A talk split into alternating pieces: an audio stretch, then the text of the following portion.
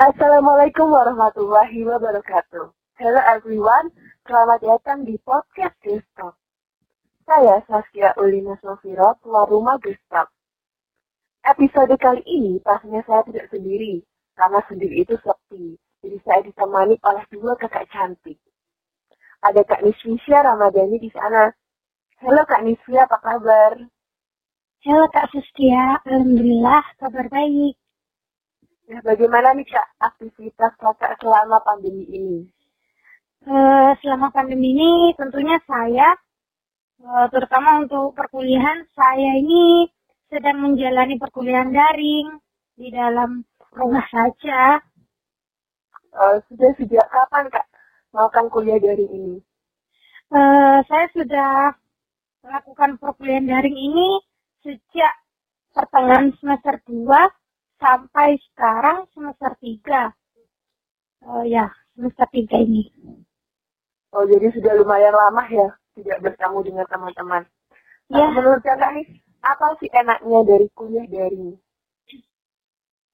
Enaknya kuliah daring itu uh, kita kan kegiatan perkuliahannya di rumah. Nah, tentunya banyak ya manfaat kita di rumah itu yang berbeda saat kita ada di tempat perantauan. Kalau di tempat perkuliahan jika ini dilaksanakan tatap muka, tentunya saya kan mengkos. Nah, kalau sekarang karena online, ini kegiatan perkuliahannya online dan dilakukan di rumah. Jadi untuk makan, mencuci, itu saya lebih mudah saat di rumah. Dan tidak hanya itu, saya juga lebih irit dan berhemat dalam segala hal. Jadi tidak uh, tidak memikirkan biaya hidup di sana, biaya transport dan lain-lain. Nah, ya uh, kalau misalnya suruh milih nih kak, milih kuliah dari atau kuliah tatap muka? Uh, tentunya saya lebih memilih ke perkuliahan tatap muka ya, soalnya kan kalau perkuliahan tatap muka itu kita masih bisa bertemu dengan banyak teman-teman, terus juga bisa bertemu dengan dosen secara langsung, dan kita juga mendapat materi pun itu lebih mudah untuk kita pahami. Jadi lebih seru gitu kalau perkuliahannya itu secara tatap muka. Jadi rindu sekarang. Hmm, semoga pandemi segera berakhir ya kak, bisa tatap muka lagi bertemu sama teman-teman. Ya, amin. Uh, kalau dari kak Eva Khairul Temisa nih, uh, apa sih aktivitas kakak selama pandemi? Hmm, sebenarnya sama sih ya aktivitas saya seperti Kak. Saya sedang menjalankan kuliah daring di rumah saja. Uh, untuk semesternya sama dengan Kak Nisi atau bagaimana Kak? Iya, saya sekarang sedang menempuh semester 3. Oh, jadi rata-rata mahasiswa ini sama ya, kuliah daringnya sejak pertengahan semester genap sampai full semester ganjil ini. Nah, menurut kakak, apa nih enaknya kuliah daring? Kalau untuk enaknya sih, karena saya kuliahnya merantau ya, jadi enaknya di rumah tuh nggak ribet sama nggak ribet sama ini apa-apa. Kan kalau di kosan nyiapin sendiri nih. Jadi kalau di rumah tuh nggak nggak harus seperti itu gitu. Karena ada orang tua yang yang selalu melayani kita gitu. Maksudnya kita nggak suruh masak sendiri kita nggak cuci baju sendiri seperti itu. Nah, kalau disuruh memilih, mau memilih kitab kuliah daring atau kuliah tatap muka? Kalau saya sendiri sih, saya memilih kuliah tatap muka ya, karena kita bisa berinteraksi langsung dengan dosen ataupun teman-teman kita. Juga dari materi yang yang kita terima pun lebih mudah difahami kalau kita kuliah tatap muka. Seperti itu. Uh, bener sih kak, feelnya ketika bertatap muka dengan dosen langsung sama melalui virtual itu memang beda ya. Uh, kayak lebih dapat feelnya kalau bertemu langsung. Nah semoga pandemi ini segera berakhir Karena kita ini sebenarnya manusia yang nggak bisa nahan rindu. Jadi Hmm. semoga ada kabar baik ya Kak depannya. Amin. Terima kasih kepada Kak Miswi dan Kak Eva sudah bersingkat di Gestok ya. Eh, Oke everyone, Eh, 2020 ini mungkin menjadi tahun yang begitu mengesankan. Tahun yang mengukir cerita sangat tak terduga. Mari kita kembali melihat situasi di sekitar kita. Corona itu masih ada. Virus ini tidak pandang bulu, siapa pun bisa menjadi korban. Sejak Maret sampai Desember 2020, ada 75 kepala daerah terpapar COVID-19. Tercatat ada 582 ribu kasus dan semakin hari semakin berlipat ganda. Saya akan berbincang dengan Kak Niswi terlebih dahulu. Eh, gimana nih Kak? 8 bulan menjalani kondisi seperti ini, merasakan kuliah daring yang sebelumnya tidak pernah terbayangkan. Menurut kacamata kakak, apa sih dampak yang paling dirasakan saat pandemi ini? Hmm, baik, terima kasih. Bisa kita amati bahwa adanya pandemi COVID-19 ini mampu melumpuhkan banyak sektor. Banyak pegawai di PHK, pembelajaran menjadi daring, di mana koneksi internet menjadi faktor utama, dan masih banyak lagi.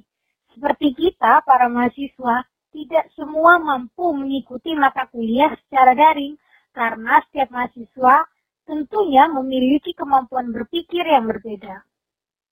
Masyarakat di sinilah harus memutar otak demi mencukupi kebutuhannya dan sedangkan kita tidak berhak menyalahkan sepenuhnya pemerintah yang tidak mampu mencukupi kebutuhan masyarakat secara keseluruhan. Jadi menurut saya pandemi COVID ini seperti buah malakama yang masih tidak tahu kapan akan berakhir. Nah, benar Kak, meskipun seperti itu kan eh, benar kata Kak Nisu, kita tidak berhak menyalahkan sepenuhnya pemerintah ya. Ya pemerintah itu juga sudah berusaha yang terbaik untuk masyarakatnya.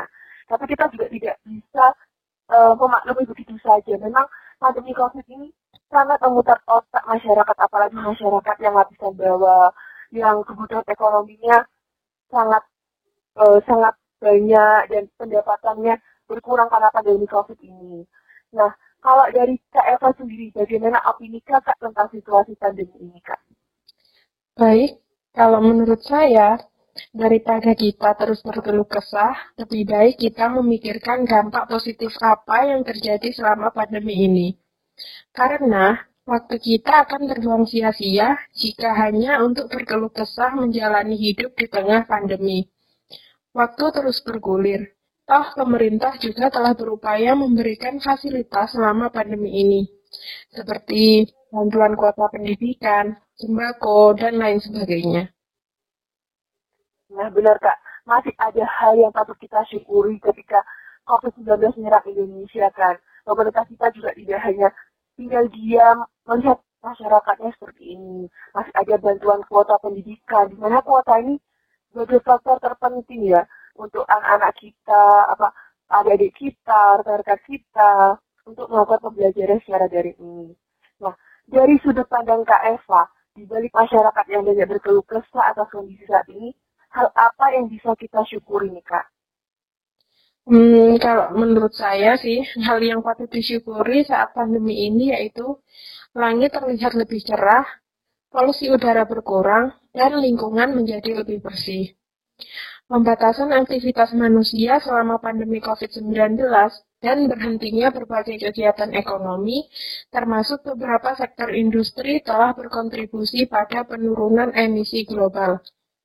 Pusat Penelitian Energi dan Udara Bersih atau CRIE merilis bahwa emisi CO2 dunia tercatat mengalami penurunan hingga 17% akibat karantina COVID-19 yang diterapkan di berbagai negara. Hampir setengah atau 43% dari penurunan emisi global selama puncak lockdown berasal dari sektor transportasi dan industri terutama kendaraan bermotor dan pabrik manufaktur komersial. Selama masa pandemi, terjadi peningkatan kualitas udara perkotaan. Citra dari satelit NASA Observatory menunjukkan polusi NO2 di Wuhan, Cina menurun tajam. tingkat polusi udara di New York berkurang 50%, kualitas udara di Cina naik 11,4 persen, dan emisi NO2 juga menurun di Italia, Spanyol, dan Inggris. Untuk kondisi Indonesia sendiri, CRIE menyampaikan bahwa penurunan emisi maksimum mencapai 18,2 persen.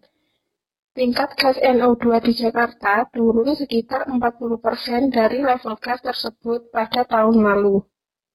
Langit yang lebih bersih menjadi perhatian beberapa warga ibu kota dan sekitarnya selama PSBB. Uh, baik, terima kasih Kak Eva sudah sedikit menyadarkan kita ya bahwa pandemi COVID ini ketika kita mensyukuri kita lebih menemukan hikmah di balik semuanya. Nah sebelumnya kita sebelum pandemi kita mungkin jarang melihat langit yang berwarna biru seperti itu ya, apalagi di kota-kota besar. Nah adanya pandemi COVID-19 ini langit kita yang awalnya abu-abu kayak lagunya tulus tuh uh, kita bisa melihat langit begitu biru bersih dan sangat indah uh, kalau dari Kak Nisma sendiri setuju dengan pendapat Kak Eva atau ada opini lain Kak? Baik, uh, saya memiliki opini lain. Adanya pandemi membuat pergerakan manusia ini menjadi sangat terbatas kebijakan lockdown di, di beberapa negara, pembatasan sosial berskala besar atau PSBB, hingga karantina telah mengurangi aktivitas sehari-hari manusia dengan sangat signifikan. Setelah pandemi pilar lingkungan akan makin terabaikan karena pembangunan lebih diprioritaskan untuk mengejar sektor ekonomi yang sebelumnya tertinggal. Meskipun emisi mengalami penurunan selama pandemi yang sudah tadi dijelaskan oleh Kak Eva, namun belum tentu terjadi perubahan secara luas dan berjangka panjang secara terukur. Menurut Carbon Brief, perubahan ini hanya bersifat sementara.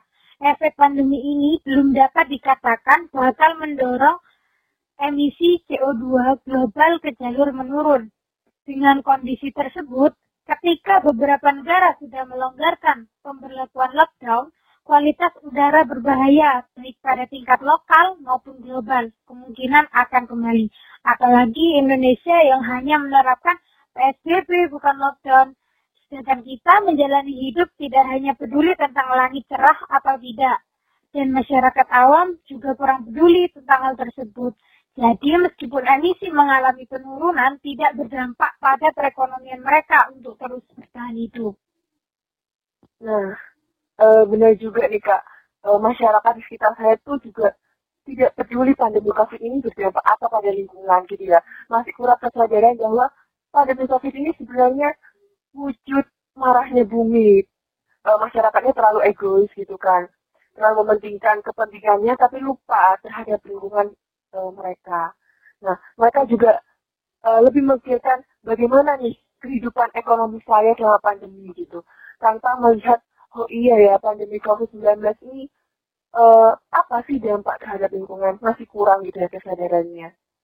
Dari Kak Nisi uh, mungkin bisa ditanggapi oleh Kak Eva. Silakan Kak Eva. Uh, baik, saya mengerti maksud dari Kak Niswi. Namun pandemi ini menyadarkan kita, para manusia yang kurang memperdulikan lingkungan. Harusnya mereka tersadar bahwa mereka terlalu egois. Kesibukan mereka menyebabkan lingkungan terabaikan. Berapa banyak manusia yang terlalu mementingkan rupiah, namun menyampingkan kelestarian alam. Coba lihat saja saat pandemi ini kegiatan pariwisata bahari terhenti. Dampaknya, lautan juga mengalami penurunan polusi suara, sehingga menurunkan tingkat stres makhluk hidup, seperti ikan paus, dan membuat biota laut dapat bermigrasi lebih tenang.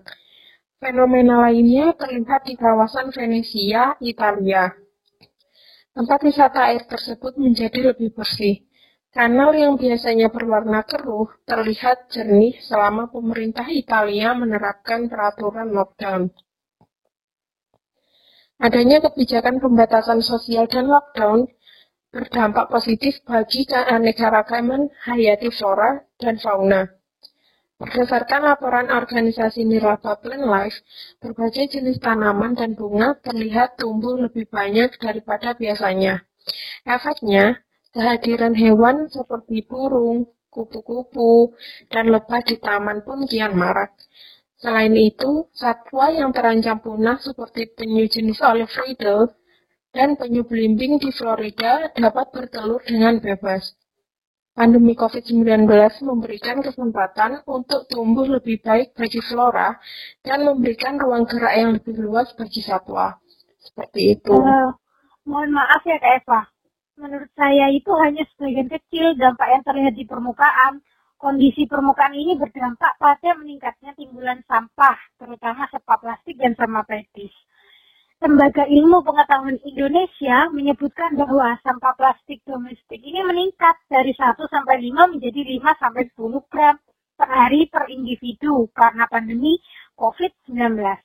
Selain itu, Kementerian Lingkungan Hidup dan Kehutanan mencatat kenaikan produksi limbah medis saat ini sebanyak 290 ton limbah medis per hari. Sampah plastik tersebut sebagian besar berasal dari penggunaan plastik sekali pakai dari makanan yang dikemas, sedangkan sampah medis berasal dari peralatan medis dan alat pelindung diri atau APD, termasuk sarung tangan dan masker. Saat lingkungan perkotaan cenderung membaik, lain halnya dengan kawasan hutan tropis. Organisasi lingkungan melaporkan peningkatan deforestasi di tengah lockdown seiring dengan meningkatnya perburuan dan penyelundupan binatang luar liar hingga pertambangan liar di seluruh dunia. Hutan Amazon di Brasil serta beberapa hutan tropis di Kolombia, Kenya, dan Kamboja adalah beberapa negara yang mengalami hal tersebut. Menurut National Space Research Institute Brazil, area deforestasi yang hancur di Amazon pada April 2020 64% lebih tinggi daripada April 2019. Penyebabnya apa? Penyebabnya adalah adanya kelompok kriminal dan oportunis yang mengambil keuntungan dari karantina wilayah dan menurunnya pengawasan hutan. Selain itu, orang yang tinggal di daerah pedesaan mengalami peningkatan tekanan ekonomi dan dipaksa untuk bergantung pada alam. Nah, kekhawatiran serupa terjadi juga di negara Malaysia dan Indonesia sendiri yang memiliki tingkat deforestasi tertinggi di Asia Tenggara. Di lain pihak, beberapa organisasi lingkungan juga berpandangan bahwa dampak positif yang tadi sudah dijelaskan oleh Kak Eva, yang uh, dampak positif adanya pandemi itu terhadap lingkungan global hanya bersifat sementara. Penurunan pertumbuhan ekonomi dari berbagai sektor seperti industri dan perdagangan selama pandemi akan diikuti upaya recovery untuk memulihkannya. Berbagai usaha difokuskan pada sektor ekonomi, sehingga sektor lingkungan akan lebih terpinggirkan. Terlebih lagi jika ketertinggalan ekonomi ini mendorong kebijakan industrialisasi besar-besaran yang mengakibatkan adanya polusi yang tentu akan membuat kondisi lingkungan global semakin rusak. Seperti itu. Terima kasih Kak Nesi atas opininya. Nah memang pandemi COVID-19 ini telah menimbulkan berbagai dampak bagi lingkungan global. Kalau sesuatu yang terjadi, itu pastilah memiliki dampak positif dan negatif. Dampak positifnya ditandai dengan penurunan emisi rumah kaca, baiknya kualitas perairan dan udara perkotaan, serta peningkatan keanekaragaman hayati, bagaimana telah disampaikan oleh Kak Eva. Namun di lain pihak, dampak negatif juga dirasakan, terutama pada sektor persampahan dan kehutanan, jumlah sampah plastik dan medis yang dihasilkan kian bertambah dan deforestasi juga semakin meningkat. Nah, sebenarnya tidak ada yang meminta dan menduga akan adanya kondisi seperti ini. Namun kita khususnya kaum milenial dituntut untuk siap berpikir kreatif dan inovatif dalam kondisi apa pun. Karena sebenarnya pandemi COVID-19 ini hanya membatasi ruang gerak kita bukan ruang berpikir kita. Mari kita menjadi generasi yang tak hanya pandai berkeluh kesah, namun mampu membawa sebuah perubahan. Semoga adanya pandemi COVID-19 ini menyadarkan kita, para manusia agar tak egois, hanya memenuhi kebutuhannya tanpa memikirkan kondisi lingkungan. Nah, terima kasih kepada pendengar yang telah singgah dan mendengarkan perbincangan kami pada episode pertama ini. Ikuti terus episode-episode berikutnya dari Gustok ya. Sampai bertemu kembali everyone. Stay safe, stay healthy, and stay with us. Wassalamualaikum warahmatullahi wabarakatuh.